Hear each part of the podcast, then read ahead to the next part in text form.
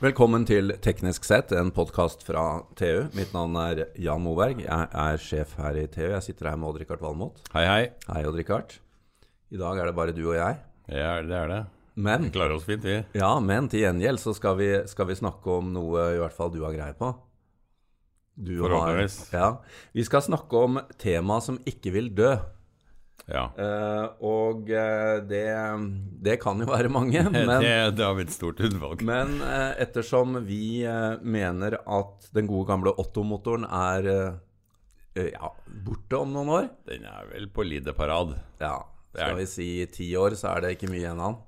Det er nok en del igjen, men da, da, da tror jeg gått opp på veldig store deler av verden at dette monsteret her fra 1800-tallet, det må vi kvitte oss med.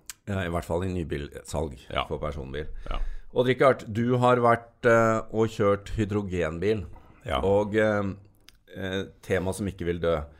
Hydrogen og brenselceller var jo liksom det store for 20 år siden. At dette skulle Det komme og frelse ja. nybil... eh, altså fremtidens motor. jeg var omtrent religi- hydrogenreligiøs Ja.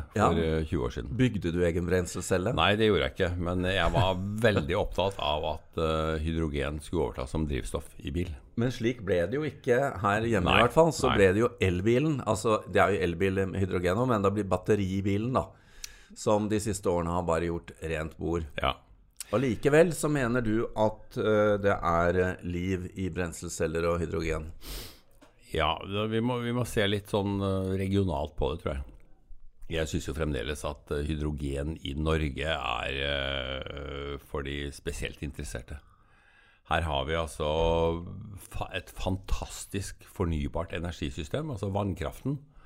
Den er så regulerbar som det lar seg gjøre. ikke sant? Du skrur bare krana opp og igjen. Og, og så ser du på den der fornybare kraften som de har i andre land, altså sol og vind, som øker noe fantastisk.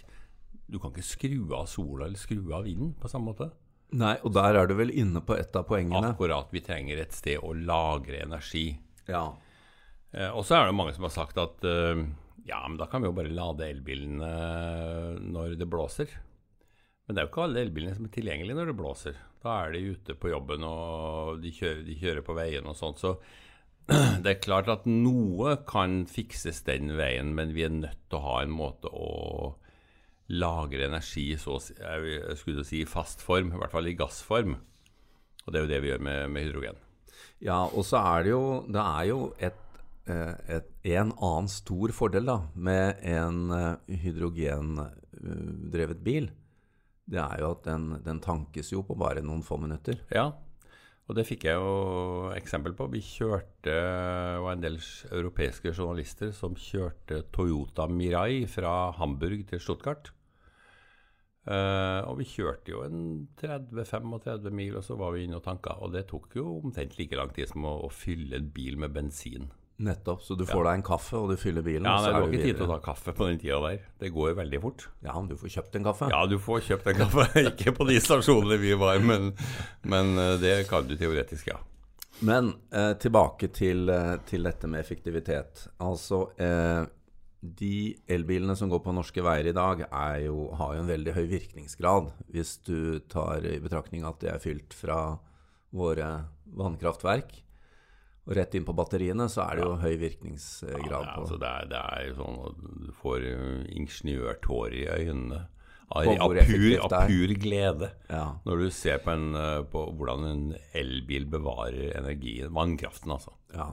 Det er veldig få tap før, det, før kraften kommer på jorda. Men der er jo, det er jo da ankepunktet til eh, elbiler som Ja. driftes med hydrogen. Da gråter ingeniørene i meg på en litt annen måte. Det er andre tårer. Ja, og De er, du, de er salte. Du snakker altså om en virkningsgrad på mellom 60 og 65 noe sånt? Ja, altså det, det kommer på hvor du måler hen. ikke sant? Ja. Hvis du måler i selve bilen, da, hvis du har et hydrogen på tanken, og måler i selve bilen, så har jo brenselcella en virkningsgrad på 60 Kanskje opp i 65 Ja.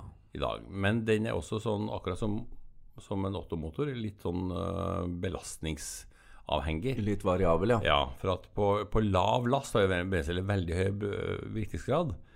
Men da overtar sånne parasittiske tap. Det er mye pumper og kompressor og sånn Det er mye rallemikk. mekanikk, altså. Ja, det er en del, det er en del av det også. Som, som på en måte suger en del av energien. Og så kommer du til en sånn peak eh, hvor, hvor virkningsgraden er veldig høy, altså 60-65% men ikke mer, da. Eh, og så begynner det å falle igjen når du drar på. Så sies det jo at eh, det utvikles en del varme. Ja, det gjør det. Og det kan du si at Fordelen for oss oppe i nord da, er at uh, i en brenselcellebil så kan vi varme opp kupeen med varmeoverskudd Ah, fra brenselcella. Med, med den effektiviteten du ikke får Ja, ut på hjula. Så, så der har den jo faktisk en liten, f- liten fordel overfor elbilen. da. Men det er, jo, det er jo viktig å bare påpeke at eh, selv om virkningsgraden ikke er like høy som på en, på en ren batteribil, så er det jo bedre enn på den gode gamle Otto-motoren. En, enormt mye bedre. Ja. Og så jobbes det, da. Jeg snakka jo med en av sjefsingeniørene i Toyota. Altså de jobber med, med brenselceller på flere måter. For det første for å få opp virkningsgraden, sånn at den fra i dag så er det maks 65% og så prøver de å nærme seg 70% Men også for å heve den her eh, kurven sånn at den ikke faller til 45% når du virkelig drar på når du belaster den, og får få heva den. Sånn at den eh, liksom sklir over 50 og kanskje begynner å nærme seg enda høyere tall. Og så må det jo sies at en, eh, en eh, hydrogenbil i dag, det er jo en hybrid, da. De har batterier. Ja, det har de. De Men, må ha det. Men eh, eh, et mindre batteri enn jeg ville trodd, egentlig. Ja, ja, det ja. viser seg jo at de nye brenselcellene leverer ganske mye strøm kontinuerlig. Det, det gjør de. Altså de, eh, den Miraien vi kjørte, den hadde altså en strømproduksjon på 135 kW. Du kunne dra på med 135 kW, så den var ganske sprek. altså. Det er som å kjøre en elbil. liksom. Det er jo en elbil. Ja.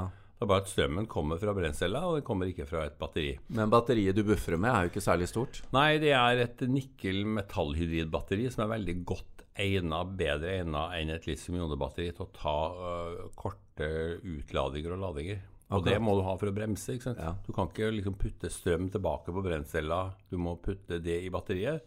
Og da har du det som en sånn bufferkapasitet. Og det hjelper Det, altså det hybridiserer øh, hydrogenbilen. Litt tilbake til dette med virkningsgrad, for her kommer jo eh, en av eh, kjepphestene vi har snakket om tidligere, i hvert fall.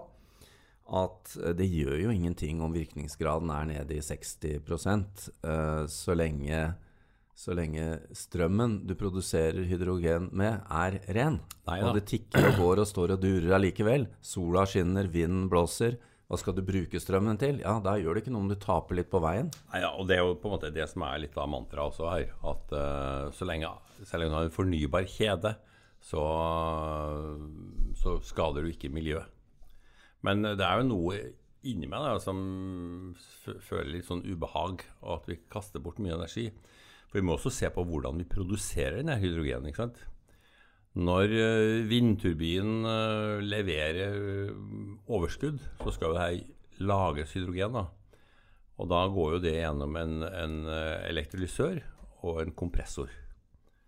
Eh, og der er også ganske virkningsgraden ganske trist i dag. Da. De vi så på nede i Hamburg og et par andre plasser, de, altså, Anlegget i Hamburg hadde en virkningsgrad før det kom inn i tykktanken på 55 Ja. og det var jo eksepsjonelt lav, altså, for jeg er jo vant til at eh, norske Nell, som er blant verdensledende til å lage elektrolysører, de snakker om 80 Da Da så, så taper de litt på kompresjon, de òg, da. Og de, de snakker om å komme seg opp på 85 Så der, der, her er det mye å gjøre på teknologisida, altså. Ja, men det er jo håp, da. Det, Ja, ja. det som, eh, som du har eh, skrevet, det ligger jo ute på tu.no for øvrig, er jo også at eh, man fra 2008 og nå de siste fram til i dag, da, har fått ned kostnadene til en tyvendedel av Ja. hva det var. Ja, Det er ganske fenomenalt, altså. Og, og da snakker du om, om kostnad på brenselcella. Ja, Det er jo ekstremt. ja pluss at uh, de er ikke i mål. Nei. De skal redusere både størrelse og kost betraktelig i åra fremover. For fremdeles er Miraien en relativt kostbar bil. da. Ja, det er den, eh, det er den dere, dere kjørte, ja. En Toyota Mirai. Ja, Men japanere har et helt annet forhold til hydrogen enn vi har. Ja. De ser for seg at dette, dette skal inn i storproduksjon. Dette er en måte å gjøre klimaet CO2-fritt. Ja, ja, som vi snakket om. Ja. Det funker for de der borte, og det. sikkert for andre nasjoner Ja. også. Og da, når du får opp produksjonstakten og volum, så vil prisene falle ytterligere. Én ting før vi går over på et annet fremkomstmiddel. Tankene. Altså dette hydrogenet som du drar med deg i bilen, Mm. eh, det er jo under veldig høyt trykk. Ja, og tankene er oppe i 20 mm i veggdiameter Nei, Det vegg, veggtykkelse. Ja da, det er ganske tjukke tanker. Altså. De er jo laga i uh, karbonfiberarmert plast. da. Sånn at det er ufattelig styrke i de tankene. Altså. Og 700 bar høres jo fryktelig mye ut, Ja, men det er, det ikke, det er piece of cake for de tankene her. altså. Og de tåler kollisjoner og sånt. Og så er det jo ikke sånn som med Hindenburg. Det her går ikke i lufta uten videre.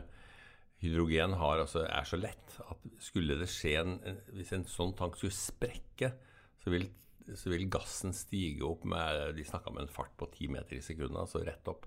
Akkurat. Så dette er ufarlige ting. Det er, det er altså de, de sier det at det er verre å kjøre rundt med en bensintank enn med en hydrogentank. Og, eh, og fortsatt da et annet fortrinn. eh, Litt lettere enn de store elbilene. Ja, s- spesielt når du kommer opp i lang rekkevidde, så vil jo batterivekta i en elbil være formidabel, altså. Så kan jeg, i mitt hu- hue, så, så tenker jeg som så at en bil bør ha batterikapasitet nok til, la oss si, 20-30 mil, og da, da dekker du mesteparten av kjøringa vi gjør, og så bør den ha en hydrogen range extender. Det tror jeg er, er en svært interessant fremtidsbil. Men da må vi ha et hydrogen-fyllenett, ikke sant? Ja, og det kommer jo rundt om i verden forskjellige steder. Og da Tyskland, som, eh, som det har vært. Tyskerne har veldig store ambisjoner. Men Odd-Rikard, du har ikke bare kjørt bil, du har også sett på hydrogentog, Ja. hydrogen ditt og datt, og nå også altså hydrogenfly. Hydrogenfly, ja. Tyskerne har hatt et fly i lufta nå i, siden i fjor. Det var en pussig Med, med hydrogen og brenselcelle? med Og et batteri. Batterier og hydrogen. ikke noe Otto involvert. Ikke noe Otto, Otto er, er ikke med på den flyturen. Ikke i hele tatt. Det er jo fantastisk. Ja og da snakker du om fire passasjerer. Det flyet har det er litt sånn spesielt. Det ser ut som en nærmest sånn luftens eh, katamaran. Det er eh, en eh, pod i midten som har brenselcellene og propellen og motoren. Og så er det to passasjerpodder på sidene. Og den hadde jo ganske sjenerøs batterikapasitet også.